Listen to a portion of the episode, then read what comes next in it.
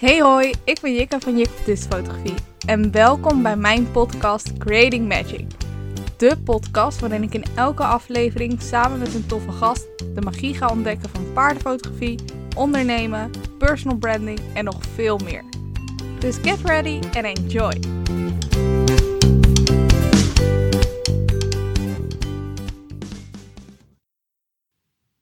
Lieve mensen, even een kleine disclaimer. Je hoort mij af en toe een beetje sniffen, snuiten. Ik heb geen corona, maar ik was gewoon verkouden doordat het opeens heel koud was en toen weer heel warm bij Nicky's thuis. Dus um, no worries. Alles is coronaproof en veilig gedaan. Dat zou ik even zeggen. En nu wens ik je heel veel luisterplezier en ik hoop dat je heel, heel veel waarde eruit haalt.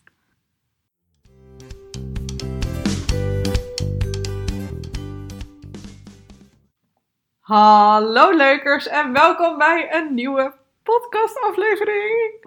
Oh, waarom begin ik altijd met een hoog stemmetje? Ik weet het niet, maar deze keer ben ik eindelijk weer met een gast. En niet een, ja, hoe noem je dat? Niet een normale gast, maar gewoon echt een super getalenteerde, lieve paardenfotograaf. Die zo goed is in haar vak. Echt een vakvrouw, powervrouw. En dat is Nikki de Kerf. Oh, wat een lieve aankondiging. Ja, hè? oh, ik vind het ook superleuk. Geef mezelf schouders op de Ja, klop. goed, heel goed. Schou- Ja, klopjes op mijn schouder. Afstand hier, schouderklopje voor je. Zo. Oh, hè? proef, Ja. Oh, oh. Oh ja. Ja, jij, jij doet dit al zo lang, dus je bent onmisbaar in, de, in deze podcast. Nou, dat is een goede. Ja, nou, dat, dat hoop ik dan. Hoe lang doe je dit nou? ik denk dat ik echt... Oké, dat ik voor het eerst eh, ging fotograferen is dan een grote term. Dan had ik een compact camera met 3 megapixels in mijn handen, waar we het nu over hebben. Maar dat was Ik in, tel eh, het mee, tel het mee. was in 2004, 2005, dus dat is 15 jaar geleden. Dus ik dacht ook laatst dat ik fotografeer gewoon eigenlijk al, als ik dat meetel, de helft van mijn leven ongeveer. Dat vond ik ook wel een gekke realisatie. Ja, ik vind vooral een gekke realisatie dat ik toen acht was. ik ben oud. Dus is dat wat je wil zeggen? Ja, nee, dankjewel. nou, ik heb het gevoel helemaal niet dat je oud bent. Maar ik heb nu wel heel erg het gevoel dat ik jong ben. Misschien is dat het gewoon. ik ben gewoon te jong. moet het zo zien. Nee, ik ben toen heel hobbymatig begonnen. En pas eigenlijk, eh, eh, ja, eh, de laatste, laatste vijf jaar is het echt, echt mijn hoofdinkomen zeg maar, aan het worden geweest. Dat, Yay! ja, ja, dat is echt super vet. Ja. Ja, en je doet Ja. het zo lekker. Ja, ja, thanks. Dat gaat ook echt goed. Ik ben ook echt... Dat was nooit de bedoeling, zeg maar. het was nooit... Ik Was wel de bedoeling. Ik heb dus altijd, ja, was altijd wel mijn intentie. En Ja, mijn. En, nee, ik vind dat het super vet als mensen ook zeggen, oh, ik wilde dit gaan doen. En toen heb ik, eh, weet ik veel, mijn baan opgezegd en nagedacht hoe ik het ging doen. En toen, en bij mij is het gewoon, oh ja, nou, ik vind het leuk om foto's te maken. En ik hou van paarden. Oh, ik ga paardenfoto's maken. En toen werd het ineens een ding, zeg maar. Dus dat is... Een aanloop van Ja. tien jaar, maar dat maakt niet ja, uit. ja, ja. Maar voor de mensen die jou niet kennen en de afgelopen 15 jaar dus echt onder een steen hebben geleefd, blijkbaar dan. Wie ben je, wat doe je en waar kennen mensen jou van? Ehm, nou ja, goed, ik ben dus Nicky. En ja, eh, eh, ik fotografeer dus paarden eigenlijk ook voor. Ik heb een tijdje ook voor eh, magazines gefotografeerd. Of ik fotografeer nog steeds voor de BIT. En ik heb dingen voor de Penny gedaan en voor de KNS. Dus het kan zijn als je, weet ik veel, paardenmens bent en dat soort dingen leest, dat je mijn naam eens hebt zien langskomen. Of in ieder geval een foto van jou. Ja, of een foto inderdaad. En misschien niet op de naam hebt gelet, maar hoi, hoi, dat ben ik dus. Ehm, en verder, ja, ik doe heel veel fotoshoots gewoon voor, voor mensen met paarden. En ehm, eh, allerlei dingen vanaf gewoon foto's samen met paard tot actiefoto's, tot wat meer artistiek werk, zeg maar. Eh, ik noem het fine art fotografie dan. Tot eh, ja, iets, iets verdrietiger, maar afscheidsreportages. En die hebben mensen ook wel vaak toch zien langskomen. Waarbij ik ja, tijdens het afscheid nemen van het paard aanwezig ben om te fotograferen. Dus niet de laatste fotoshoot de dag ervoor, zeg maar, maar echt op het moment zelf. Eh, Ja. Dat is ook iets wat mensen toch wel vaker hebben zien langskomen dan. Tijdens het inslapen Ja. vaak, omdat dat Ja. dan gepland is. Ja. Ja. Ja, en daar gaan we het over hebben. Niet per se over Heel afscheidsshoot. zwaar onderwerp meteen zo, nee. No worries. Het wordt niet een heel zware, zware Nee. podcast. Maar we gaan het wel hebben over hoe je je kan onderscheiden als paardenfotograaf. ehm, binnen alle mogelijkheden die je biedt. Want je doet natuurlijk superveel van normale actiefoto's en paard en mens tot fine art. Tot, nou ja, fine art in studio. Ja, Tot, nou ja, afscheidsreportages. Alles erop en eraan, dat doe jij. ja. En ook voor magazines meer documentaire-achtig. En jij staat nog en je leeft nog. ja, ja, ja, ja, ja. Eigenlijk, het is grappig als je het zo zegt. Dan realiseer ik me dat het best wel eh, breed is, zeg maar, of zo. Ja, en je oont het.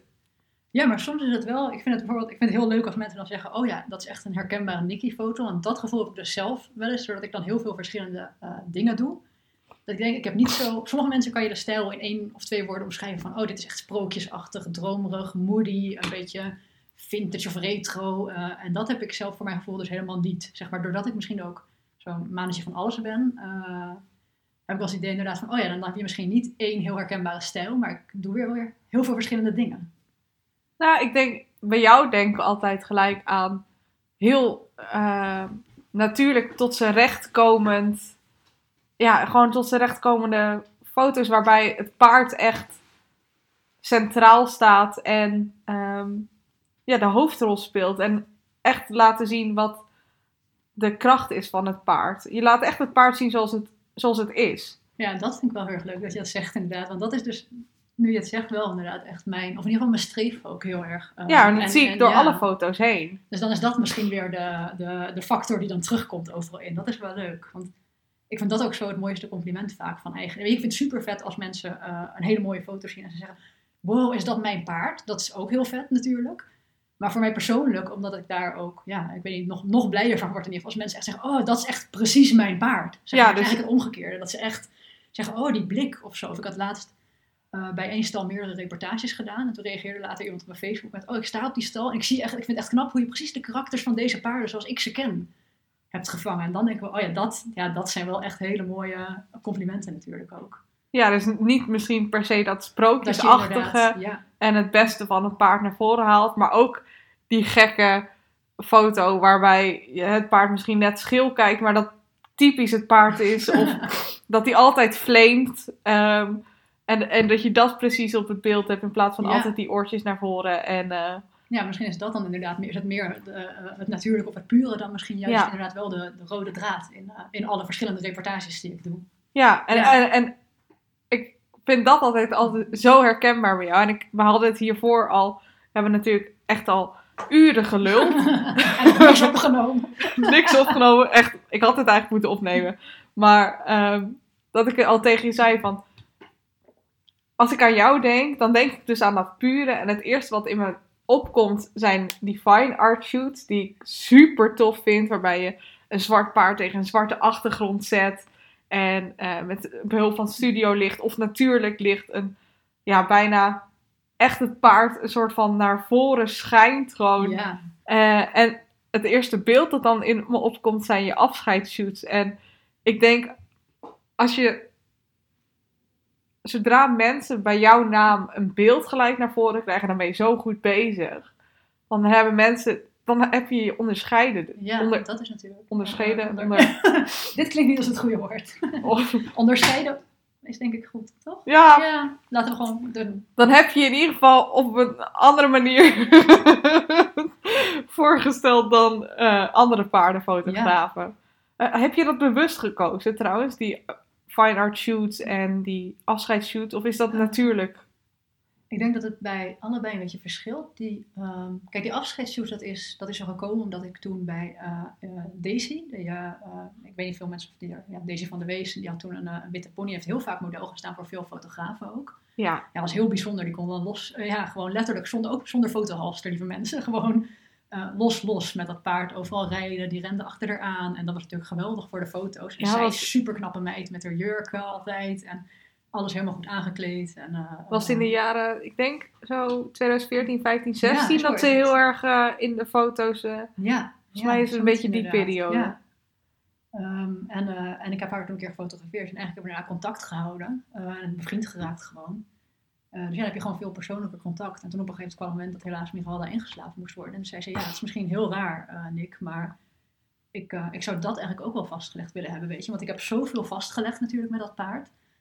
Zoveel dingen op de foto staan. En ja, dit is, hoe verdrietig dan ook, is ook wel onderdeel van... En dat past ook bij ons, want we hebben ook alles op de foto. Dus ja, ergens moet dan het einde misschien ook wel vastgelegd zijn. En zo is dat voor het eerst gebeurd. Dat ik toen voor haar, omdat het een vriendin was eigenlijk ook, en dacht, ja, dan, dan ehm, weet je ook onderling dat het goed zit. En dan kan je elkaar een beetje aanvoelen. Eh, en dan kan je ook nog voor iemand steunen. En ik had al vaker afscheid van een paard meegemaakt. Omdat ik ehm, een lange tijd op een stal heb gewerkt. Waar de paarden vooral wat ouder waren. Dus ja, ook steeds eh, niet bij de paardenkamp. Overigens, misschien goed om Oh. zeggen voor mensen dat denken. Het was niet eh, de paardenkamp, maar een andere stal.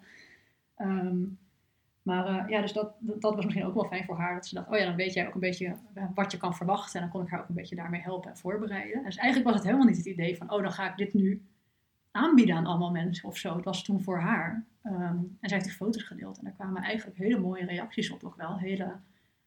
Want we vonden het ook wel- ook wel spannend. Van, ja, vinden mensen dat niet raar? Of gaan ze niet zeggen, goh, wat waarom doe je dit nou? Maar eh, Het is natuurlijk waren- een heel kwetsbaar, pijnlijk Ja, moment eigenlijk. Ja, en ook van waarom... Waarbij het paard dus niet op zijn mooi staat. Nee, Eigenlijk op zijn einde. Ja, letterlijk dat. En, maar ik denk wat, het, wat mensen raakte was natuurlijk ook ehm, dat in al zijn kwetsbaarheid is, zit daar ook iets moois in, zeg maar. Absoluut. Weet je? En ook de, wat heel erg naar voren kwam was ook eh, eh, de band tussen eh, de betrokken mensen daar en tussen mens en dier. En dat natuurlijk heel erg.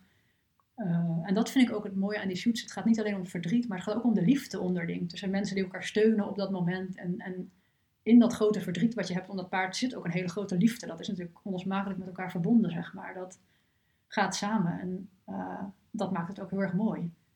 En nadat ik toen voor haar dat heb gedaan en die foto's werden gedeeld, is het eigenlijk gebeurd dat ik af en toe vaker een berichtje kreeg met, joh, ik zag die foto's en toen heb ik meteen gezegd, ja, als mijn paard ooit eh, moet gaan, dan wil ik dat Nicky erbij komt, want dat vond ik zo mooi. En ja, aan de hand daarvan ben ik echt eigenlijk pas toen ik al vier of vijf van die reportages heb gedaan, zei ik, oh, dan zal ik het maar eens op mijn website zetten ook, want kennelijk helpt het mensen en is er een behoefte aan. Vind je dat niet moeilijk dan eigenlijk? Want je bent ook wel bij een afscheid van een dier en bij een heel persoonlijk, intiem moment. Voel je je dan niet als. Ja, ik kan me voorstellen dat je misschien soms voelt als een soort gluurder, ja, Ja. indringer. Want de Ja. dierenarts gaat vaak weg, hè, zodra het paard het spuitje heeft gekregen. Ja, zodra die echt, zodra ze hebben gecheckt of Ja. echt inderdaad alles... eh, Dan, dan gaan ze weg om een ja. moment te geven om eh, echt nog het laatste afscheid te nemen. En, en jij blijft erbij. Ja. En soms is dat wel, kijk, eh, soms is dat natuurlijk wel moeilijk, want je, je hebt inderdaad het gevoel, je wil niet, je wil aanwezig zijn, maar je wil niet aanwezig zijn. Nee. Eh, maar ik denk ook dat het helpt, ik ben, ehm, nou ik zal niet zeggen van nature een vrij stil persoon, want ik kan erg, erg, eh, erg eh, extrovert zijn ook wel in dingen, maar ik kan ook wel heel stilletjes aanwezig zijn en meer, ja, hoe zeg je dat, de, de fly on the wall, zeg maar. Vliegen op de muur, Ja, ja. ja. de- meer- de aanschouwende aanwezigheid hebben. Um, en ik kan daar heel goed heen schakelen ook wel. En het helpt dat ik ook van ehm, mensen de feedback heb gehad van... Oh, je had echt momenten en dingen op de foto dat ik echt niet eens door had dat je daar stond of daar was. Dus dat je ook bevestigd krijgt van, oh, gelukkig zien mensen het ook niet ehm, als een indringer, zeg maar. Of hebben ze het niet eens doorgehad. En dat is het ook wel wat je moet realiseren. Mensen zijn natuurlijk zo erg in hun emotie bezig.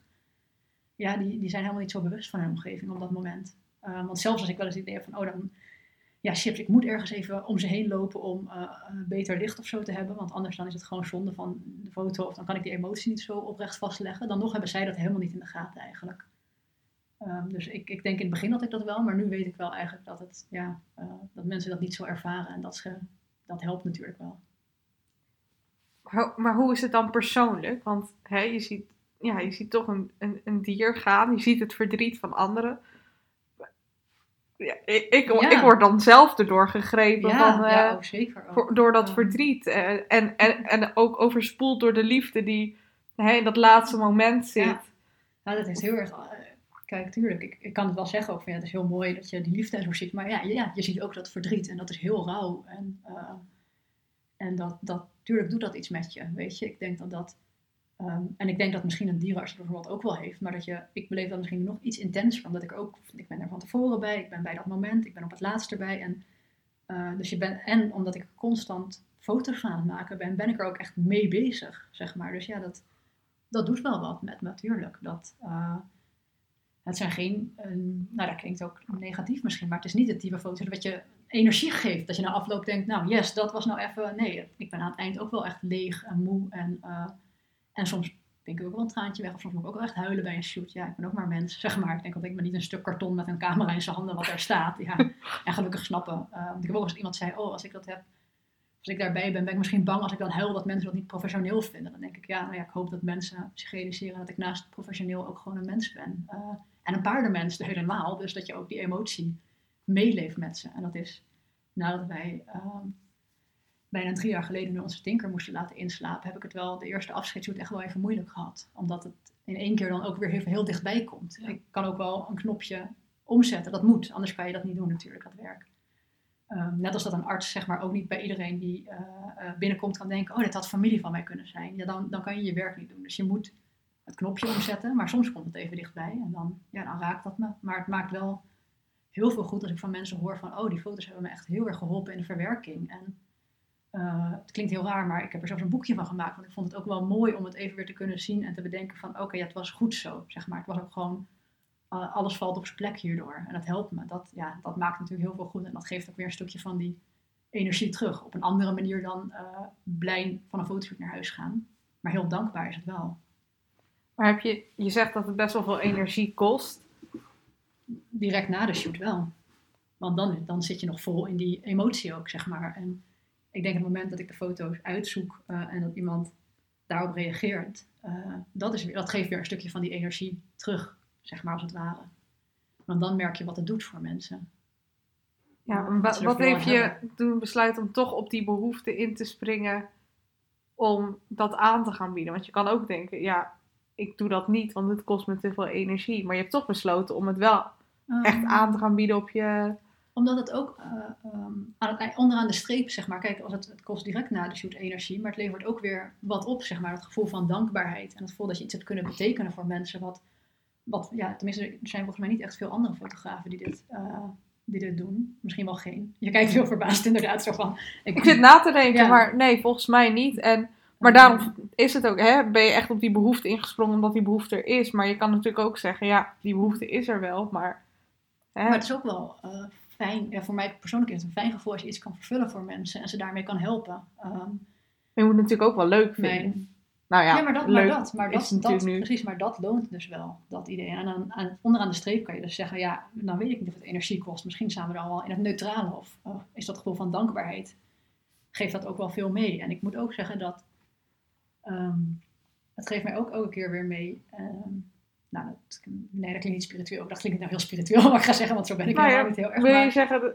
Maar... Nou, het geeft me ook alweer mee aan het eind van elke shoot. Even zeg maar dat ik bij mijn eigen paarden weer even Precies. extra waardering heb ja. voor, voor uh, wat ik voor ze voel. Zeg maar even dat gevoel van liefde en zelf bijna voor mensen in mijn omgeving even extra benadrukt is. Omdat je je ook realiseert, ja, uh, kan zo dingen kunnen overgaan. Ja. En dat is heel pijnlijk, zeg maar. En even wat meer... Um, we hadden het hiervoor over, uh, uh, om een hele andere reden, maar over je telefoon bijvoorbeeld meenemen naar het paarden. En dat je dan meer bezig bent met je telefoon dan, uh, dan met de paarden soms. Ja, daar hadden we het over, ja. um, en dat, dat je ook eventjes weer wordt gewezen van nee, als ik bij de paarden ben, wil ik gewoon even met hun zijn en met wie zij zijn. En, en even extra die waardering hebben voor de band die je met ze hebt. En dat is natuurlijk eigenlijk ook wel iets wat het je oplevert. Dat je weer even elke keer wordt geconfronteerd met, ja, dat is iets heel bijzonders. En de liefde die je voelt voor, voor mensen of dieren om je heen. En dat, ja, ik weet niet, dat vind ik dan ook wel weer iets moois eraan. Ja, en dat is een soort waardering, of een soort waardevol iets wat je uit een shoot haalt, wat je niet uit een normale shoot eigenlijk nee, 1, 2, 3 wel haalt. anders is, inderdaad. Ja, zeker. Maar je wordt wel met de neus op de feiten gedrukt. Ja, uh. ja. ja en het zijn ook wel uh, um, verhalen die je, of situaties die je bijblijven natuurlijk vaak. Weet je, wel nare, ja, dat je denkt, oh je gunt die mensen allemaal en die paarden allemaal zoveel meer en dat het zo anders was geweest. En tegelijkertijd denk ik ook altijd zo, het zijn wel zulke dappere mensen om, uh, het zijn altijd de beslissingen namelijk in het belang van het paard. Ja. En, en ja, jeetje, dat, dat is ook wel, uh, uh, hoe verdrietig dan ook, maar daar zit ook weer iets, iets, iets moois in dat je denkt van dat je dat kan doen, dus op dat moment, ja, dat is dan ook weer eventjes, ik probeer daar ook maar de, ja, de, zoveel mogelijk positief uit te halen, maar anders kan je dit ook niet, niet volhouden als je alleen maar denkt, oh dit was verschrikkelijk en wat naar en zo, maar dat is het ook niet, alleen maar. Nee, maar zou jij echt alleen maar afscheidsshoots kunnen doen? Weet ik niet. Um, ik weet, ik, ja, nee, denk ik niet. Want ik merk wel als ik er meerdere achter elkaar heb, en dat is soms wel eens in een periode of zo, um, dan ben ik wel wat leger qua energie, zeg maar. Um, en, dan, en dan heb je wel, ervaar je ook wel wat meer verdriet als uh, emotie, zeg maar, uh, buiten de shoots om. Gewoon omdat even, je neemt het even mee. Tenminste, ik neem dat even mee. Maar dat maakt misschien ook wat de foto's dan weer zo um, rakend maakt voor veel mensen. Dat je ook echt als fotograaf daarin hebt meegeleefd. Dus nee, ik zou dat misschien niet als hoofdmoot kunnen doen. Maar ik vind het ook geen Het is geen verschrikkelijk werk om te doen. En ik vind dat ook wel iets heel eh, moois hebben, zeg maar. Maar Ja. dat is dan wel het totaalplaatje. Niet alleen het aanwezig zijn bij de dood van een dier is natuurlijk niet iets moois eh, aan zich. Dus het is het Nou ja, totaalplaatje, ja. alles. Het, het heeft ook wel iets moois van hè, een soort circle of life van de natuur. Maar Ja. Ja, hoewel ik dan veel liever zou hebben dat die mensen gewoon eh, een paard op zijn dertigste in de wijn ja, vinden. Zeg maar, allemaal. Dat- dat dat- we, we willen ook allemaal het liefst in onze slaap doodgaan. En mijn paard wordt wel honderd en zo. Ja. Dat is wat ik zeg. En wat ik hoop, ja. Ehm, Maar Nee, de dus dat is ook realiteit is helaas ja. Ja. toch vaak anders. En ehm, ja, he- vind jij het niet lastig? Want oké, je biedt het aan, maar die shoots zijn best wel vaak last minute. Kan ik Ja. me voorstellen. Nou, misschien zit er net een week eh, de speling in, maar niet heel veel. maar soms word ik ook wel eens gebeld dat ik bij de paarden sta en dat iemand zegt, kan je nu komen? Want eh, we staan nu op de kliniek. En, Ja. eh, en ja, Als iemand als nu is de keuze. pezen gescheurd zijn. En, Ja, of we zitten, al, we zitten al een paar dagen op de kliniek. Het wordt niet beter, we gaan ook Ja. nog een dag. Dus ja, dat is... ehm, hoe combineer je dat dan met de rest van je werk? En- en je leven? Soms, ja, ja privé dingen. Ik heb uh, privé dingen zeg ik ervoor af dan zeg maar ook. En gelukkig hebben mensen in mijn omgeving daar dan ook veel begrip voor. Maar ik heb ook wel eens gehad dat ik een, uh, ja, een shootdeur stond, zeg maar, dat ik mensen dan contact en de situatie uitleg en zeg, ja weet je, ik uh, vind het heel vervelend, maar ik wil gewoon overleggen wat jij wilt. Kan iemand helpen met zo'n shoot? En eigenlijk zijn klanten dan ook heel begripvol, want ja, die hebben zelf ook een paard waar ze heel veel van houden en die kennen mijn afscheidsshoots ook vaak. En die zeggen dan ook, ja nee, tuurlijk moet je daarheen gaan en dat doen als je dat voor iemand kan doen. En dan zetten we onze shoot eventjes, uh, stellen we weer even uit. En dan is mijn planning wat drukker, omdat ik dan die shoot natuurlijk weer uh, hè, niet weken veel opschuiven, maar Verzet, uh, ja, je moet die verzetten. In, op korte termijn wil verzetten, zeg maar. Dus dan heb ik de week daarna misschien iets meer shoots dan ik zou hebben, normaal. En iets minder energie, maar ja, dat hoort er dan bij. Maar dat is op zich is dat te doen. Um, en ik heb niet vaak, ja, ik heb wel eens gehad, dat vond ik ook heel rot. Dan was ik uh, op vakantie in het buitenland en dan belt er iemand, ja, dan kan ik niet. Ja, dan is het gewoon net niet te doen. Dat, dat, dat, dan is het niet realistisch. Um, en dat is dan gewoon wel rot. Of het gevoel dat je dan denkt, ja shit, dan had ik dat wel voor iemand nog willen. Wat, wat doe je dan? Niks, want je kan niks. Ja, de, de, ja, je bent de enige eigenlijk. Ja, ik, ik ben wel eens aan het denken inderdaad, van is er dan uh, uh, iemand naar wie je kan verwijzen of zo. Ja, net, ook niet, ik weet dat je bij uh, van die pasgeboren babytjes, ja, hè, dat precies, je dan ja. uh, van die early birds of van, nou als een geboortefotograaf en je bent net in het buitenland, dat je inderdaad een soort groepje hebt waar je naar door kan verwijzen die dan snel ja. in de buurt is en kan inspringen. Ja. Want vind je dat niet lastig dan? Eigenlijk zit je dan niet met een soort van schuldgevoel. Ben je niet altijd bang dat je gewoon gebeld wordt en nee, niet dat, kan? Nee, dat niet heel erg. Nou, kijk, ik bedoel, uh, uh, het is niet dat dit constant als een soort wolk of zo boven me hangt, helemaal niet. Uh, en als het gebeurt, ja, dan is dat heel vervelend. Maar je moet ook accepteren dat je dan niet meer kan doen. Gewoon. Dat is wat het is. En een groot gedeelte gaat het wel. En uh, helpt het mensen heel erg. Dus ja, dat, dat telt zwaarder, denk ik. Maar, maar, zeg je ooit nee tegen een afscheidsshoot? Nee, als ik kan, dan, dan ga ik. Wel, dat, ik zou ook niet weten waarom. Uh, wat zou een reden kunnen zijn om het niet te doen? Nou, misschien veel werk. Dat je nog veel andere shoots hebt staan. Ja, je... oh nee, dat heb ik wel altijd voor mezelf als regel gesteld. Van, ik heb natuurlijk, ik, tenminste ik denk dat veel fotografen of ondernemers dat hebben van je hebt een x aantal werkdagen of zo. In mijn geval is dat x aantal shoots per week, wat nooit goed gaat. En ik weet, dat, denk dat veel paardburgers dit ook herkennen trouwens. Welcome to my life. Ja, je bent afhankelijk van natuurlijk regen en zo. Dus je, soms heb je gewoon drukkere weken en soms minder drukke. Uh, maar ik heb wel altijd gezegd, afscheidsshoots die mogen er gewoon bij komen, zeg maar, uh, no matter what. Dat is niet dat ik zeg, ja sorry, ik heb al x aantal shoots per week, nu kan ik je niet plannen. Nee, dat is... Um... En dan leg ik wel aan mensen uit, joh, het duurt wat langer hierna voordat je de foto's misschien krijgt. Hè, aan degene van de afscheidsshoot, want ik, ja, ik wacht even tot ik er in een rustigere week zit. Maar dat is ook goed, want die mensen willen soms ook even de tijd hebben natuurlijk juist om het te laten bezinken. Die zitten ook nog in een rouwproces. Um, en sommigen zeggen, oh, ik vind het wel fijn als ik wel eerder wat heb. En dan bewerk ik ook eerder al wat na. Gaat natuurlijk ook wat minder tijd zitten in de nabewerking, hè, overigens, van deze. Want je gaat geen fotohalsertjes wegwerken. En uh, het documentaire is natuurlijk meer vastleggen wat er is. Dus daar pas je niet heel veel aan aan achteraf in Photoshop. Nee, en je doet ze allemaal in zwart-wit. Ja, ja. Dus het is de goede zwart-wit omzetting vooral vinden. Die past bij het licht uh, en de sfeer van dat moment. Want er zijn natuurlijk wel verschillende zwart-wit omzettingen, zeg maar.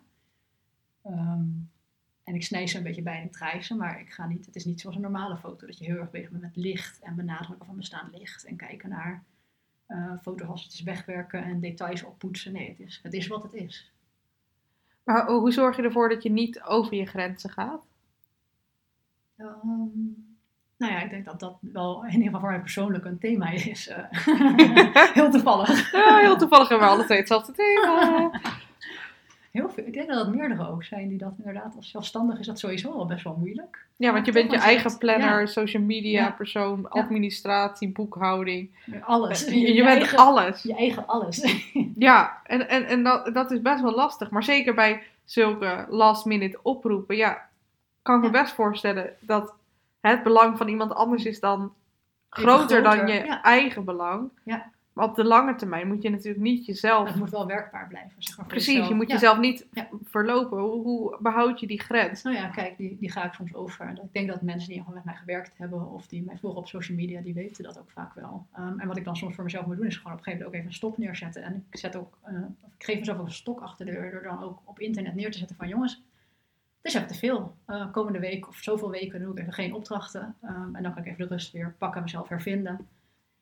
Ehm, maar dat is ook moeilijk en dat zal ook deels komen dat sommige dingen inderdaad niet goed in te plannen zijn. Maar ik vind wel, ja, eh, ehm, het, het- is niet dat het een heel, ik bedoel, ik kom niet in een burn-out terecht of zo. Er is niks onoverkombaars, ik ben niet overwerkt of wat dan ook. Ehm, Nee, je zorgt dat je stopt voordat dat moment dus, kan dus, komen. Misschien is dat de manier waarop ik eh, daarmee deal. Dat ik op een gegeven moment denk van, oh ja, oeps, nu is het weer te veel gebeurd, zeg maar. Want het zijn niet alleen de, dit type afscheidsreportages, maar voor anderen waarbij mensen zeggen, joh, hij kan niet uitgesteld. Ik wil niet het afscheid zelf in beeld, maar ik wil nog wel een mooie fotoshoot samen met mijn paard eh, voor het niet meer kan. En hij moet helaas binnen, nou ja, x aantal dagen of weken ingeslapen worden.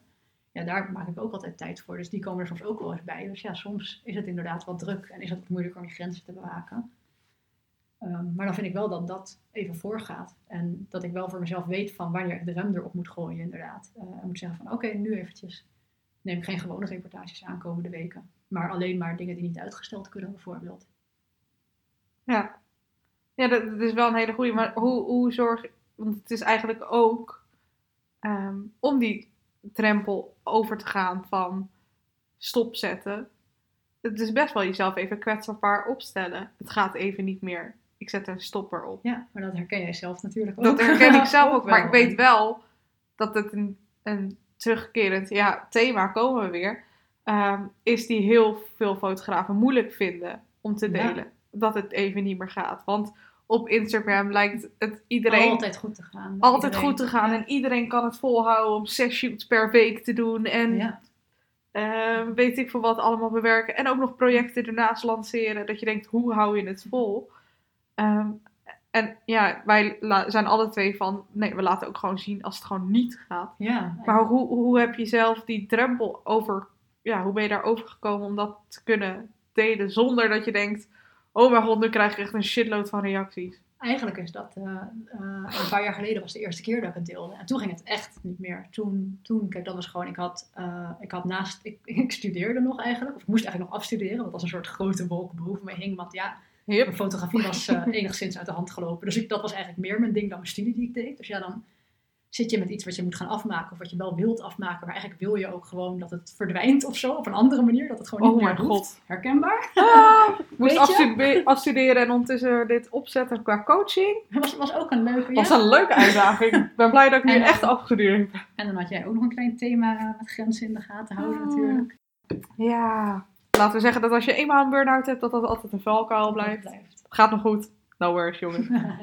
Maar eh, over... Ehm, oh ja, ja, nou ja, goed. ehm, ehm, dus toen, toen was daar een moment dat het echt eh, niet zo goed meer ging. En dan moet je wel, zeg maar. Ja, tenminste, je kan ook, je kan, ik denk dan, je kan twee dingen doen. Je kan van de aardbodem verdwijnen, zeg maar, op je social media. Ja. Dat is ook een manier om ermee te dealen. En daar is denk ik op zich, kijk, eh, als dat voor jou prettiger voelt, dan denk ik dat je dat zeker moet doen. Maar voor mij was het op dat moment prettiger ook om duidelijkheid te creëren naar klanten. Dat mensen wisten van, oké, ja, eh, het ging gewoon niet. Ik had heel veel foto's die ik moest nabewerken. Ik, oh man, vooral portfolio shoots en dat soort dingen. En het, het werd gewoon een bende, zeg maar. En dan, dan dat was ja, tijdens mijn burn-out. Ja, echt. maar dat, ik herkende dat toen jij dat poster herkende, ik dat zo. Ik dacht, ja, ik weet precies hoe dit voelt. Dat je ook denkt, je ziet gewoon ook even niet meer, je hebt geen overzicht meer van de hele situatie. Je denkt alleen maar, Nou ja, je Ja. hebt wel een overzicht, maar daar word je helemaal in paniek oh van. ja, oh ja, nee, mijn overzicht was er al niet eens meer. Ik dacht, er zijn zoveel dingen. En als ik ze ga uitschrijven, dan, dan, ik, weet, ik weet niet eens hoe dat moet, man. Ik maak ook geen to-do-lijstjes meer, want ik word alleen maar gek. Ja, ja, dat kan ik me dus ook voorstellen. Maar toen, ja, voor mijn gevoel moest ik toen wel. En toen was ik ook heel bang, want toen dacht ik, ja, wat gaan mensen nu inderdaad hiervan zeggen? En mensen hebben er een oordeel over, maar eigenlijk viel dat heel erg mee. Ehm, En hij heeft me ook wel eh, zelfs dichter bij mijn vaste volgergroep gebracht, denk ik. Omdat die wat meer inzicht hadden in, in hoe dingen gingen. En ik vind het nu ook heel lief om te merken dat als het een tijdje stil is geweest op mijn pagina, uh, dan krijg ik soms gewoon berichtjes van mensen met hey Nick, gaat het goed met je? Want uh, ik was benieuwd, jij bent altijd zo druk en zo ook. En uh, nu is het even wat stiller, dus uh, en dat vind ik zo lief. Dat oh, mensen, echt? Oh, dat is super lief. en dat, dat motiveert dan denk ik ook, omdat je denkt, ja, dus het is, kijk, je, je deelt, tenminste ik deel best wel wat dingen natuurlijk. Ook van, oh kijk, het zijn mijn paarden weer. Mijn paarden zijn de leukste paarden van de wereld. Hier zijn foto's van mijn paarden en mijn persoonlijke leven en mijn plant Alfred. En, en mijn pannenkoeken die ik heb gebakken, die wij straks ook gaan bakken. Ja, ik ga een expert worden, jongens. Dus je deelt al die aspecten van je leven. En dan hoort het er misschien ook wel een beetje bij, ja, vind ik dan. Nou ja, nogmaals, als een persoonlijke keuze. Maar voor mij hoort het dan ook bij om die andere dingen te delen. En nou ja, ik denk daarmee is ook niet slecht, maar dus eigenlijk juist goed. En dat helpt je natuurlijk ook. Van oké, dit kan ik dus delen zonder, ja, misschien zijn er wel oordelen, maar die mensen gaan lekker weg van mijn pagina en die zie ik nooit meer. Ja, ja ik herken dat heel erg hoor. Dat juist door delen kreeg ik veel meer connectie en verbinding met degene die me al volgde. En ik kreeg zelfs volgers erbij omdat het zo herkenbaar is voor veel mensen. En eigenlijk nog zo'n taboe die onder fotograaf, maar ook gewoon in de maatschappij. Uh, die wel heel erg herkenbaar is voor veel mensen, maar altijd in de doof spot. Is dat, ja, ja. Doofspot wordt. Nou ja. Dit woord. die weggeschoven wordt zo. Laten we het daar maar over houden. Um, maar ik merk ook wel inderdaad, je, kan, je kan je weg, inderdaad wat je zegt, je hebt twee opties. Je kan of helemaal van de aardbodem verdwijnen. Of je kan juist het wel gaan delen. Maar op een gegeven moment, als je een zaak. Jij, jij bent je bedrijf. Dus op een gegeven moment, het is niet dat iemand anders het kan overnemen. Nee. Dus alles wat persoonlijk bij jou raakt, raakt het 9 van de 10 keer ook je bedrijf. Ja, tuurlijk. Dus je kan wel stil worden. En natuurlijk gaat het op een gegeven moment voor een tijdje. Maar op een gegeven moment raakt het zo erg je bedrijf in verstrengeld dat, dat je bijna geen keuze hebt om nog nee, iets... als je door wil gaan, moet je daar denk ik op een gegeven moment dan die openheid in geven ook. ja. En, je hoeft, en hoeveel details je deelt is natuurlijk is, aan jou. Ja. Of je nou zegt dat er persoonlijke omstandigheden zijn. Of dat, het, nou ja, dat je echt deelt dat je een burn-out of een depressie hebt. Dat, dat is aan jou. Maar ik denk dat we heel vaak doen alsof ons bedrijf los van ons staat. Maar dat, ja, terwijl het zeker, uh, zeker als ZZP'er uh, is dat helemaal niet zo. Daar ben je wat je, wat je doet, zeg ja. maar. Dat, uh... en dat is soms heel kloten, maar is ook wel het mooie van. Ja, nou ja, en ik vind het ook wel. Um, ik heb ook wel gemerkt dat als ik op andere vlakken meer. Kijk, wat jij zegt, het is heel makkelijk om alleen het positieve te delen. En kijk, dat heb ik ook wel. Als ik een slechte dag heb gehad, ga ik echt niet iedere keer zeggen: oh, ik heb een slechte dag gehad. Want ja, sorry, maar zo zwaar uh, dat voelt ook niet zo relevant of zo zwaar. Soms heb je een slechte dag en dat hebben we allemaal. Dat is een beetje deel van het leven. Ja, soms raakt het mijn bedrijf ook niet zo erg op, op die dag. Nee, en ik vind het ook wel... Het is veel leuker, vind ik, om als je, iets, als je je enthousiasme kan delen wat je voelt. En als je dat kan verspreiden. Maar het is ook wel, heb ik gemerkt, dat het mensen ook kan helpen als ik... Soms zet ik als neer van, hé, hey, deze foto heb ik gemaakt, maar ik ben er niet tevreden over. Het is niet in één keer perfect. Het is voor mij ook een leerproces om uh, op deze manier te werken of om dit te doen. Of wow, ik deed dit. En daar was ik onzeker over. Ja, um, gewoon een stukje meer menselijkheid. Gewoon. Menselijkheid en, en, en realness, gewoon werkelijkheid erin stoppen. En ik kreeg dan wel eens berichtjes van mensen van, hé, hey, ik zit echt een tijd in een dipje. Uh, ik voelde me een beetje uh, onzeker en zo. Maar het helpt me eigenlijk om te zien dat jij, dat, ook, ook gewoon ja. hebt. Nou, ja, dat heeft elke fotograaf waar je naar kijkt, die, uh, die heeft wel eens een keer dat je naar foto kijkt en denkt, ja, dit is niet wat ik voor ogen had. Of, nou, ik heb wel eens beter foto's geschoten. ja. ja. En je hebt wel eens een shoot waarvan je denkt, ja, en dat heb zelfs zelfs ik. Maar goed, mensen denken wel eens dat het dan allemaal op een gegeven moment, als je lang fotografeert, dat je alles wel uh, in kan en kruiken hebt. Maar ik heb ook als ik ergens sta en dat of door de lichtomstandigheden, of door uh, de omstandigheden op de stal of de achtergrond, of hoe het paard die dag in zijn vel zit, dat ik echt even denk, ik heb geen idee wat ik nou moet doen. Ja, ja ik sta ook wel ergens dat ik denk, oké, hoe gaan we dit nou oplossen? En uiteindelijk valt er altijd maar aan te passen en komt het goed of kom je terug of wat dan ook. En dat gebeurt niet vaak, gelukkig. Maar uh, die dingen gebeuren ook, ja. En dat is soms ook wel eens goed om aan mensen te vertellen, misschien dat het niet alleen maar een. Uh, dat ze niet het beeld hebben van, oh, uh, bij anderen gaat altijd alles voor de wind en het ligt vast aan mij dat het soms niet goed gaat. Nee, dat is, uh, je werkt, zeker als paardenfotograaf, je werkt met levende dieren, met paarden. Je werkt ook met de eigenaar van die paarden. En daar moet het ook klikken en daar moet je ook in de communicatie een soort klik hebben natuurlijk. Dat zij meteen begrijpen wat je bedoelt of dat je dat goed kan uitleggen. En je werkt met weersomstandigheden. Um, als je niet altijd in natuurgebieden werkt, ik werk natuurlijk ook wel vaak bij mensen op stal.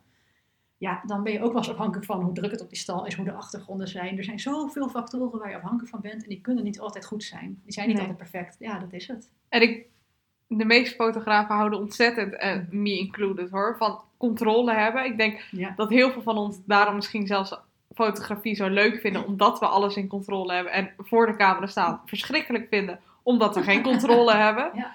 Of, nou ja, het voelt niet alsof we controle hebben. Ehm, en eigenlijk is fotografie alles behalve controle hebben. Want het, het enige waar je controle over hebt, is je camera. En verder niks. En zelfs je camera wil het soms nog wel eens opgeven. Terwijl je dat niet van hem verwacht. Dus ik vind het altijd wel grappig. Dat als ik ook naar mezelf kijk. Ik hou heel erg van het hebben van controle. Maar ik vind fotografie nog steeds heel fijn. Juist omdat het gevoel geeft van het controle. Omdat jij het model aanstuurt. En, ja. Maar dus, wat je zegt, Maar er zijn zijn ook zoveel zoveel dat niet facturen. waar- hebt. Nee. Oh, als we het controle hadden over het weer, jongens. Ja. Halleluja. Ja, als we daar nou iets voor, zouden uitvinden, hè? dat zou perfect zijn. Hoewel ik wel zit te denken dat met die, dat is natuurlijk met die ehm, fine art reportages zo. Die zijn natuurlijk vaak binnen. En ik heb mijn flitsers mee, dus daar heb ik controle over het licht. Daar, daar heb ik wel veel meer die controle. Ik vind het wel grappig dat je dat zegt. Want ehm, je, hebt het, je zei tegen mij voordat we begonnen met deze podcast. Dat je ehm, juist uit die fine art shoot heel veel creatieve vrijheid ervaart. Ja, Is dat juist omdat je dan controle hebt? Want normaal gesproken vrijheid en controle is niet hand in hand samen. oh grappig. Zo heb ik nog helemaal niet erover nagedacht eigenlijk ook. Nee? Ehm. ja, het schoot me net te binnen. Ik denk dat het ook een stukje is dat je, ja, eh, wel, want ik kan zelf bepalen hoe en waar ik mijn eh, licht kies. En dat kan natuurlijk als je zonlicht hebt ook al. En dan ik, kan ik niet altijd kiezen, oh, eh, deze achtergrond kan ik gebruiken met dit licht. Want ja, je kan niet de hele wereld eh, omdraaien of zo voor je foto. Even. Nee, je kan niet tegen de zon zeggen iets meer naar even- links, even links, links, links, links. Minder fel, minder fel. Ja. En met mijn flitsers kan ik dat wel. Ehm, en dan nog is het natuurlijk wel lastig, want het paard blijft niet op één plek exact staan. Dus eh, er zit daar ook een beperking aan. Ehm, en ik denk dat dat stukje van dat gevoel van die creatieve vrijheid komt, omdat ik daar ook, daar mag ik soms ervoor kiezen om een compositie anders te maken of om eh, een blik van een paard anders te vangen dan je normaal zou doen. En dat geeft ook wel een stukje vrijheid. Dus het hangt misschien samen met die controle, wat inderdaad eh, grappig in contrast klinkt. Ehm, maar ook dat je iets meer dingen kan doen dan bij een normale shoot, waarbij je toch iets meer in een standaard frame moet zitten, zeg maar. Het paard moet oortjes naar voren hebben. Maar dat eh, hoeft toch niet? Dat is wat we zelf... bij een knuffelfoto. Maar dat is, nou ja, maar ik denk wel dat bij veel gewone portretfotografie tegen eh, een portret van een paard tegen een groene achtergrond, in het algemeen vinden we echt mooier. eh, met de oortjes naar voren en de ogen open. Maar dat is ook een soort mentale overtuiging, blokkade die we ook ons opleggen dat het zo moet zijn. Net zoals dat alle foto's eh, romantisch moeten zijn met gouden uur en een lange jurk. Nou ja, ik, zou de, ik zal de laatste zijn, denk ik, die zegt dat moet altijd. Maar de verwachting is wel meer bij een foto Ja. met een groene achtergrond dat dat zo is. En Maar is het dan juist zeg- niet aan ons om die verwachting te verbreken? Ja, maar is dat niet al wat ik doe vaak met mijn fine art fotografie? En ook wat ik aan, eh, tijdens workshops wil meegeven aan mensen heel erg van... Je, je leert dat, eh, waarom moet een paard de oren naar voren hebben? Ja, niet. Nee, maar goed, maar waarom leren we dat? Zo lijkt het paard alert en happy. En blij, ja. Terwijl als een paard heel gespannen is, waar zijn zijn oren vaak ook strak naar voren. Dus het Ja. is ehm, ook een beetje een soort vals beeld wat we natuurlijk voor onszelf creëren. Ehm, en ik vind het juist wel mooi om in het stukje fine art dat iets meer los te laten. En ook daarin te laten zien dat je ook de, de andere facetten van een paard mooi kan vastleggen. En een paard mag toch ook wel eens op de foto misschien zelfs een beetje onzeker overkomen als dat past bij het type paard. Of, of een keertje, weet ik veel, baldadig zijn op een foto als dat past bij het type paard. Dus dat je ook meer kijkt naar ehm, hoe andere poses of andere manieren van fotograferen ook iets over dat paard kunnen zeggen. Ja, maar aan de andere kant hè, is het dus dat je niet dat, ja, die fine art puurheid, dat je dat niet in normale shoots doet omdat de verwachtingen van de klant meer dat oortjes naar voren zijn? Of is het iets wat je zelf oplegt van het kan alleen bij fine art? Nou, beide. Ik denk sowieso dat dat een eh logischere verwachting, en logisch ook, maar meer een verwachting is Mhm. ehm, vanuit de paardenwereld. En ik vind het zelf ook passender of zo. Het is voor mij wel een bewuste keuze dat ik dat soms eh, wel of niet doe in fine art shoots. Ja. Ehm, en wat ik ook denk, kijk, bij die shoots werk ik vaak, ik zit te denken waarom het fine art shoot, maar misschien weten mensen helemaal niet wat we hiermee bedoelen. ook. Nou, ja, ik had natuurlijk gezegd van een zwart paard met een zwarte Ja. achtergrond. ja, Maar ja, ja, het is iets artistieker. Misschien kan jij het beste uitleggen. Hoe- Wat is voor jou fine art? Ja, sowieso. Ik was laatst dus eh, op zoek geweest naar de definitie van fine art. En dat is echt lachen als je daar aan begint. Want dat is natuurlijk, eh, er zijn honderd eh, definities van en tegelijkertijd is er geen één. Ja. Ehm, dus voor mijzelf gaat het over foto's maken. eh, echt duidelijk met de, met de insteek ook om een, om een mooie foto te maken. Die niet altijd per se draait omdat het onderwerp mooi, standaard mooi geportretteerd is, Mhm. zeg maar. Maar die kan ook mooi zijn op basis van licht. ehm, eh, en het gaat iets meer over je, je creatieve visie daarop los mogen laten. Dus bijvoorbeeld inderdaad, een paard hoeft niet altijd met de oren naar voren te staan om blij te zijn. Of een niet blij paard kan misschien ook mooi zijn op de foto. Als we hun menselijke eigenschappen zoals verlegen toe kunnen kennen op een foto, kan dat ook mooi zijn. Voor mij is Ja. dat, en dat probeer ik te doen door ze vaak tegen zwarte of witte achtergronden te fotograferen. Ehm, met als reden ook dat je dan, je houdt dan alleen het paard over. Ja. Als jij niet meer hoeft te denken, oh wat is het landschap hier mooi en die boom en, eh, en weet ik veel, iemand in een jurk, maar je hebt eigenlijk alleen het wezen paard. En, en, en dat maakt het natuurlijk dan weer dat je alle focus daarop legt. En, en hoe kwam je er nou bij om fine art shoots te doen? Want eigenlijk daarin onderscheid je je ook. Dus ik ken niemand anders, ehm, of bijna niemand anders die dit ook doet. Vooral in Nederland niet. Dus toch moet je erop zijn gekomen om het te gaan doen. En net zoals die afscheidsshoots. Ja, ik zit even te denken hoe dat dan is gebeurd. Want dat is wel grappig. Want je vroeg net aan het begin al van, is dat nou een bewuste keuze eh, of niet ook geweest? En dat, dat herinner ik me niet echt. Dus dat is waarschijnlijk niet een hele bewuste keuze geweest. dan, denk ik, is mijn conclusie. Ehm, maar wat ik wel weet, is dat ik het vaak leuk vond. ik moet langzamer praten, jongens, want ik praat echt zo super snel. Echt verschrikkelijk. Dus ik heb nu een teken bedacht en dat is langzamer. Ja, sorry mensen, ik praat heel snel als ik eh, enthousiast ben over dingen. Yay! Ik ook en, maar. en dat is paarden en fotografie. En ik let er nu echt al op, dus het is echt heel erg gewoon. het is echt heel erg. Oké, Continue. wat was ik aan het zeggen?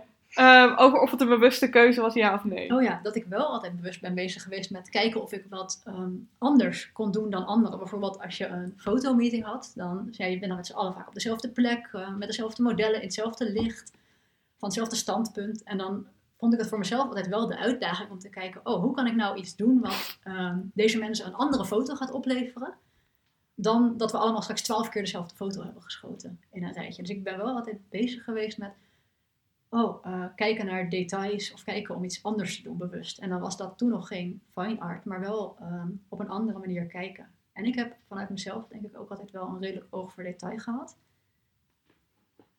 Dus ehm, bijvoorbeeld waar een ander dan een paard in een box zag staan, kon ik me heel erg focussen op dat het licht mooi door zijn voorpluk heen viel en zijn oog mooi langstreek. En denken, oh dit is mooi strijklicht, dit zou een mooie close-up zijn. En die manier van kijken die je misschien van nature wel of niet hebt, die maakt natuurlijk ook wel dat je ehm, de dingen anders ziet al. En dat is misschien in basis ook wel een beetje al eh, de grondlegging voor die fine art geweest dan. Maar hoe dacht je opeens, oh laat ik een paard in een studio zetten? Of nou, in een studio, maar met flitsers en met een achtergrond.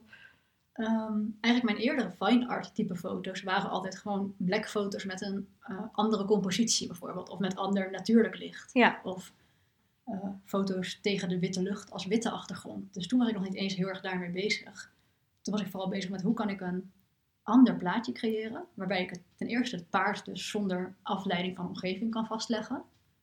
Maar waarbij ik ook ehm, al die ja, de details of de andere manier van kijken goed kan eh, naar buiten kan brengen, zeg maar, goed kan ehm, weergeven in, het, in de foto. En daarna loop je dus op een gegeven moment bijvoorbeeld tegen beperkingen aan. Dat je denkt, ja, maar het zou beter zijn als ik meer controle over mijn licht had nog. Als ik ehm, ook met eh, welke lichtsomstandigheden dan ook. Ik bedoel, soms ben je op stallen waar je die artistieke blackfoto's niet goed kan maken. Doordat je geen mooie stalopening hebt voor blackfoto's. Ja. Ja, dat, dat, eh, grappig, want nu je het zegt, zie ik helemaal jouw verloop. Ik zie gewoon hoe jij eerst iets zag in een stal en dacht, oh, dit wil ik vastleggen. Toen naar Blackfoot bent gegaan, want dat, ja, dat bestond eigenlijk altijd al. Ja. En dat je toen dacht, oh, ik wil dit combineren. En daarna dacht, ik denk dat we allemaal wel die zoektocht naar die perfecte blackfoto. En dan denk je, ah, de stalopening is niet breed Niet genoeg. geschikt. Er is niet genoeg. Het is te, te licht hè, op de achtergrond. Ja, er het licht komt van de verkeerde kant bijvoorbeeld. Dat is ook vaak, dan heb je wel een perfecte opening, maar heb je licht van één kant en dan valt er een deel weg. En dan moet je met een reflectiescherm werken, maar dan kan je ook het licht niet 100% controleren. Dus ehm, misschien is het een combinatie van dat anders hebben willen kijken naar dingen. En Ja. dan een beetje die zoektocht naar die controle waar we het eerder over hadden. Van oké, maar hoe kan ik nou zorgen dat ik dit wat ik in mijn hoofd heb kan uitwerken eh, in elke omstandigheid eigenlijk. En niet alleen maar met perfect licht op het goede tijdstip voor de goede stalopening. Wat een hele hoop beperkingen zijn. Die, ja, ehm, die dan wel je die wel nodig zijn eigenlijk. Tenminste, Ja, nou ja, niet de beperking, maar dat ze opgelost zijn, is wel nodig. Ja, omdat ook ehm, werken met zoveel soort van, tussen aanhalingstekens, maar beperkingen, dat blokt je creativiteit ook heel Ja. erg. Ehm, dus dan, dan kan je dat wat je in je hoofd hebt of wat je ziet niet helemaal goed vastleggen of uitwerken.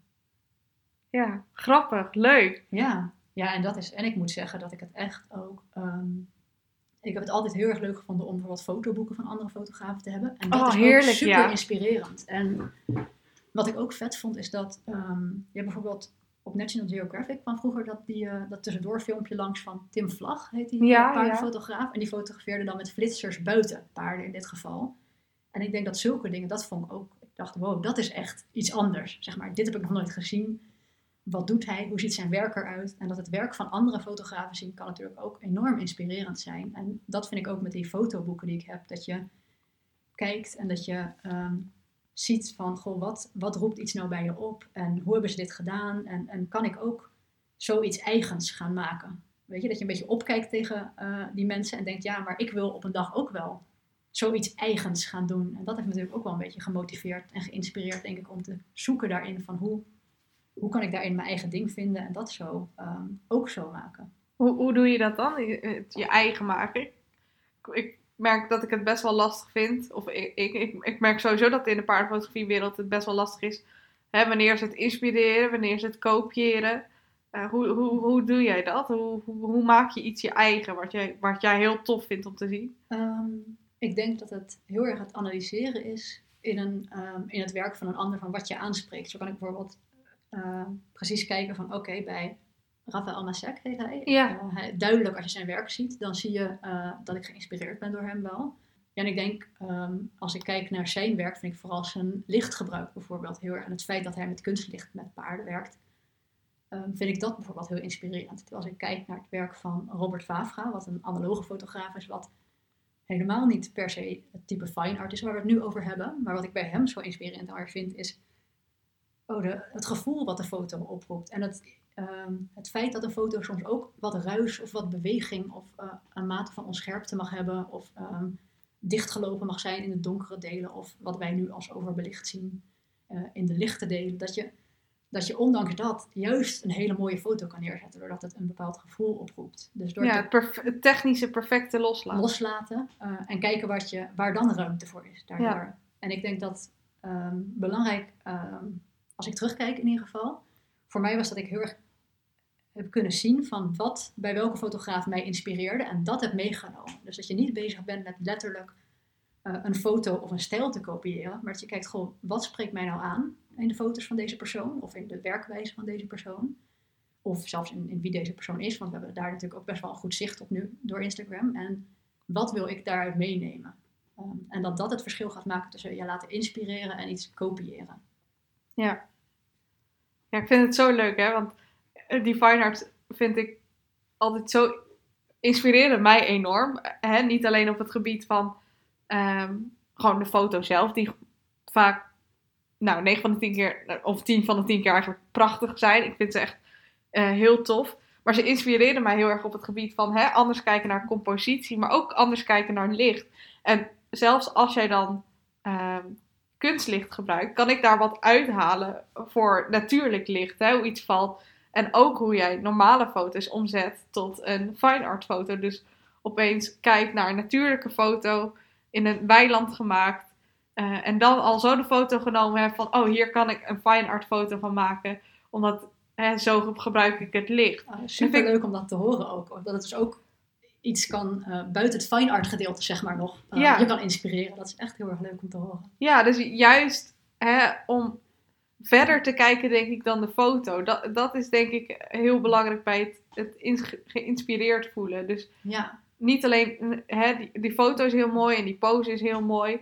Maar juist kijken, wat maakt het Ja, nou dat- dat, die foto anders is? Wat maakt het nou dat ik dit zo tof ja vind? precies. Wat, wat maakt dat ik me eh, ehm, heel erg aangesproken voel Ja, of, of dat- aangetrokken voel in deze foto? En wat is dat? En dat is niet altijd iets één op één ehm, ehm, kopiëren, dan zeg maar als we het hebben over kopiëren. Nee, het kan zelfs een gevoel zijn die je krijgt van die Precies. foto. En dan kan je zelf nog kijken van hoe komt het dat ik van deze foto's dit gevoel krijg. Waar zit dat hem in? Zit dat nou in de setting? Zoals bijvoorbeeld bij die afscheidsreportages is het heel duidelijk waar het gevoel vandaan komt. Dat, dat Ja. is ook de hele gebeurtenis. Maar bij fine art reportages kan het ook zijn dat het gaat om, eh, oh, dat is grappig, de compositie is hier altijd anders dan wat ik geleerd heb. En dat spreekt me aan. Of het werken met kunstlicht aan zich. Of eh, zwarte of witte achtergronden, zeg maar, vinden mensen natuurlijk vaak ook al eh, een aspect. Dus dat iets meer opbreken, zeg maar Ja. maakt het ook voor jezelf behapbaarder en logischer van oké, welk stukje wil ik meenemen eh, en kan me inspireren en welk stukje ehm, is van die persoon en laat ik daar lekker en daar zoek ik een eigen manier in. Ja. Ja, echt super leuk. En ehm, ik vind het ook heel tof om te zien hoe anderen er geïnspireerd door kunnen raken. En nou ja, hoe ik al geïnspireerd door jou kan raken door te kijken naar jouw foto's met betrekking tot licht en compositie en alle andere aspecten. Ook het kijken naar het paard en het voorstellen van het paard in een foto. Dat klinkt heel gek, maar hè? Ja. hoe je eh, omgaat met het paard tijdens de shoot. En het allertofste is, is dat jij gewoon dit mensen gaat leren. Want Ja. er komt iets super nieuws aan, wat eigenlijk nog niet echt uit is in de wereld. Maar jij gaat. Ja, bijna de primeur, zeg maar. Ja! Oh my god! Oh. Oh. Nou, ik, heb het, ik heb het wel eens laten vallen en het ble- bleef altijd bij een vaag idee. Maar nu Ja. heb ik het eindelijk echt al gepakt om dat te gaan doen. Maar vanaf eh, volgend jaar ga ik masterclasses geven ook in eh, fine art fotografie met paarden. Boom! Ja, Chakalaka! bam! Oh, waar tof. out. Ja, oh, Ja, wat dus dat is- tof!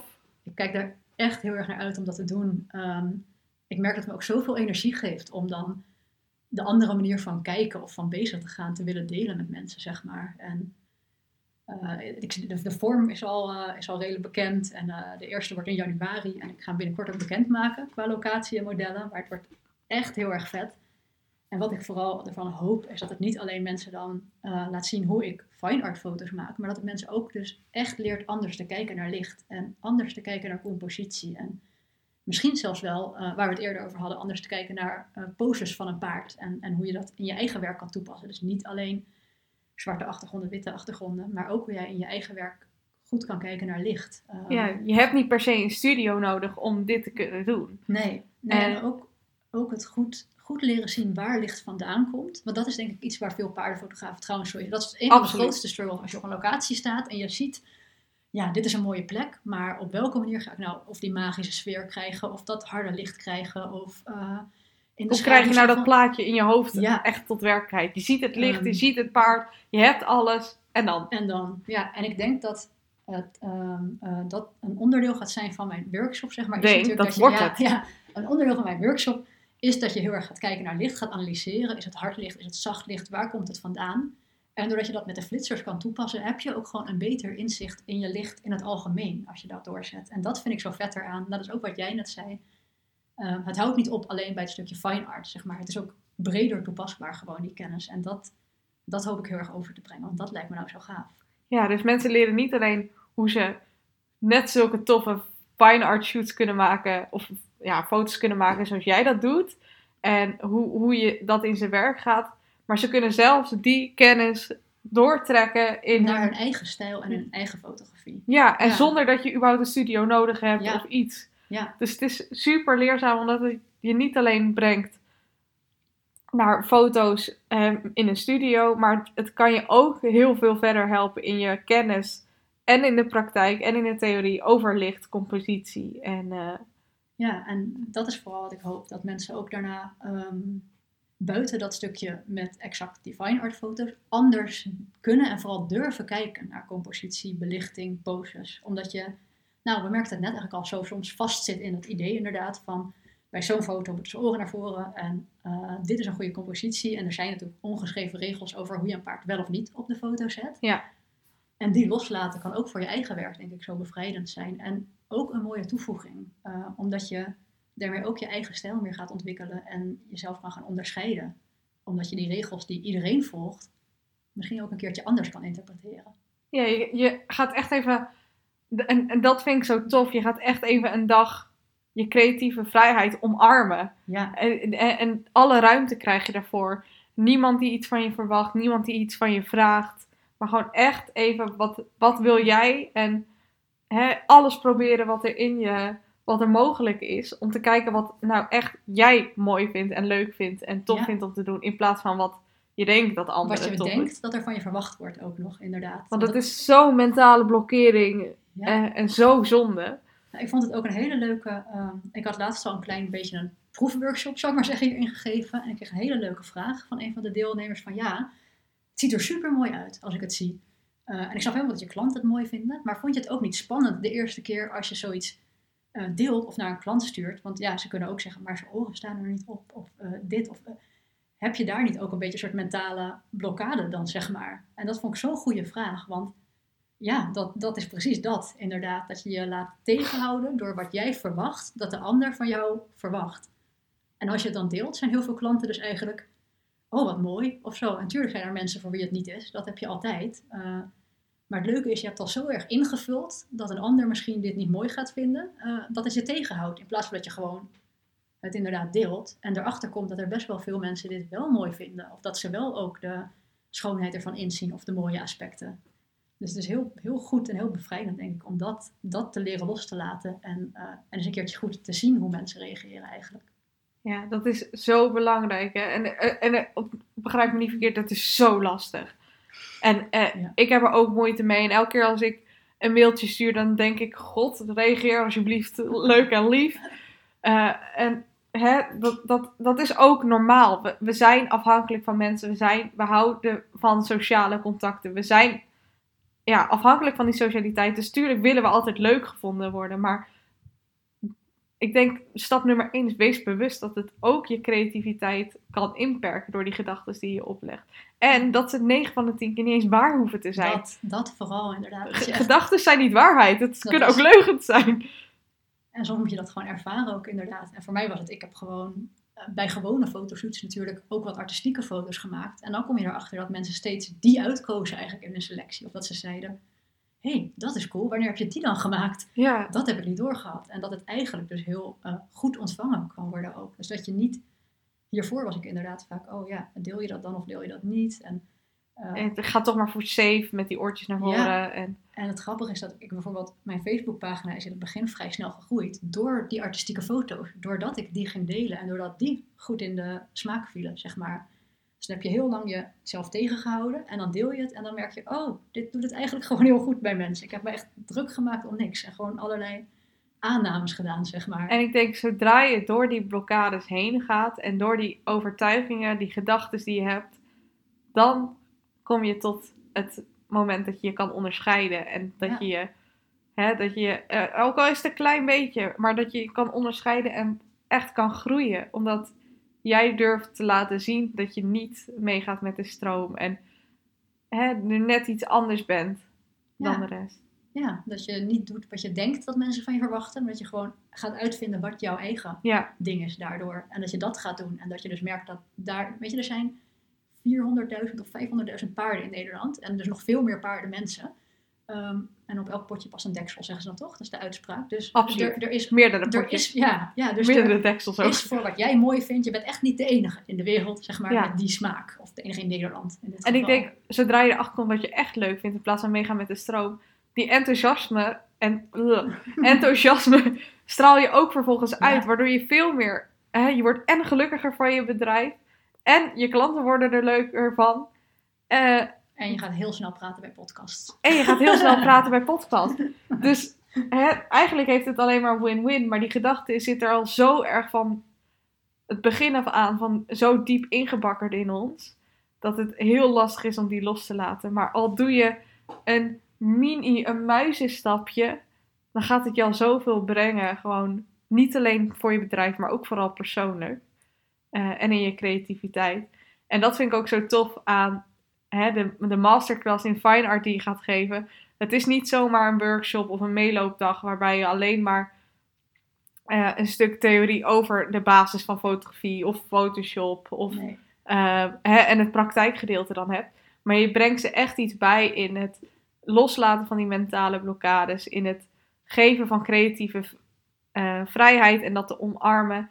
En ook nog eens geef je kennis mee in licht en in compositie, die ze in alle ruimte en eh, ontspanning gewoon kunnen uitvoeren en echt kunnen ontdekken wie zij willen zijn eh, en wat ze willen doen. En dat is juist zo'n mooie manier van een masterclass geven. Dat, eh, ik weet zeker dat het goed gaat lopen en ik, ik ben er al zelf super enthousiast Ja, over. super leuk om te horen echt. En ik, ik merk ook, ik heb er ook gewoon echt zin in, omdat het, ik vind mijn normale workshops en meeloopdagen al super leuk, omdat je Ja, mensen die zijn ook super maar tof, maar op een andere gewoon- manier. Precies, ik hoop gewoon hiermee dat je mensen nog vrijer en breder kan inspireren, Ja. echt, om meer eh, te ontdekken wat ze allemaal kunnen. En dat, ja, dat lijkt me gewoon heel erg gaaf. Ja. En wa- waar kunnen ze die masterclass vinden? Waar, wanneer kunnen ze zich inschrijven? Ja, ik, ik, eh, ik ben er nu mee bezig en ik hoop hem binnen twee weken online te hebben staan op mijn, eh, op mijn website gewoon. Eh, Dus dat is in deze. In, Ja. Hij komt in ieder geval in Ja, hij december. komt deze maand nog eraan. Eh, we zijn echt weer de puntjes op de i aan het zetten, vooral wat betreft de locatie. De invulling heb ik al heel erg voor me en veel van uitgewerkt ook. Ehm, dus is nu eventjes de locaties aan elkaar koppelen en eh, de datums bekend gaan maken. En dan kunnen ze het vinden. Nou, ze moeten gewoon jouw stories in de gaten Ja, houden. dus, En dan op de eh, website kunnen ze. Ik, eh, op mijn, waarschijnlijk staat het wel nog eerder op mijn socials dan op mijn website, mezelf kennende. Dus waar, waar kunnen ze je vinden op je socials? Eh, wa- hoe, wat zijn je handles? Nicky, Nicky de Kerf, gewoon Nicky de Kerf. Nou, makkelijk. Soms is het makkelijk. soms is het makkelijk, Ja, soms is het moeilijk. Facebook.com slash Nicky de Kerf. Instagram heet ik ook Nicky de Kerf. Dus, eh, Ja, en je website vind ik altijd het allerleukst. Fotogeniek. oh ja, ja, is ook Nicky de Kerf, maar is ook fotogenicky.nl. Oh, love it. Wat, ja, ja. Waarbij Nou. nog wel veel mensen steeds zo, maar wat is dan een fotoge? Ik zo, oh nee. Oh. ik vond het zo'n goede woordgrap. Chips. Ja, dat zijn misschien ook niet je type klant die je dan weer... nou ja, ik ben zelfs ook wel eens vrij traag met woordgrappen hoor. Dus ik ben ook I feel echt them, super zeg maar. traag. Misschien is het gewoon een binnenpretje van, een, van de fotografenwereld. Ja, Dat laten, we dat, eh, laten we het daarop houden. Is, het is echt, we hebben een uur gebabbeld, maar ik, ik vond het super tof. En ik denk dat we eh, echt hele mooie dingen hebben kunnen laten zien. Niet alleen hè, over hoe je je kan onderscheiden, maar ook over die controle en die mentale blokkades. Ja, Die, je grappig hoe zo'n gesprek op allerlei onderwerpen ook weer uitkomt, maar die allemaal wel heel erg passend zijn. ja, Heel ja leuk. heel tof. En hè, chapeau als je dit een uur lang hebt geluisterd. maar ehm, ik wil hem niet knippen, want ik vond het zo'n waardevol, eh tof gesprek. En Shout-out eh, naar alle mensen die er nu nog, eh, die er nu nog zijn. applausje voor jullie. ja, goed gedaan. Nee, super bedankt Nicky dat je te gast zou zijn in de podcast. Ik weet zeker dat we je vaker gaan horen. Ja, maar, eh, bedankt dat ik hier mocht zijn. Ik vond het echt heel erg leuk. Sowieso echt heel leuk om met je te praten. Echt, Ah, ja. zo leuk! Ja. Dat was het dan. Weet dat je mij altijd een berichtje kan doen op Instagram voor een gezellig babbeltje, als je een cheerleader nodig hebt of voor al je vragen. Vind ik alleen maar heel leuk. Als je deze podcast waardevol, motiverend vond of heb je een hele mooie les uitgehaald, dan zou ik het heel tof vinden als je je op deze podcast abonneert en je deze podcast deelt via Instagram. Zo kunnen nog meer getalenteerde paardenfotografen hiervan leren en genieten. Bedankt in ieder geval uit de grond van mijn hart voor het luisteren. En see you at the next one!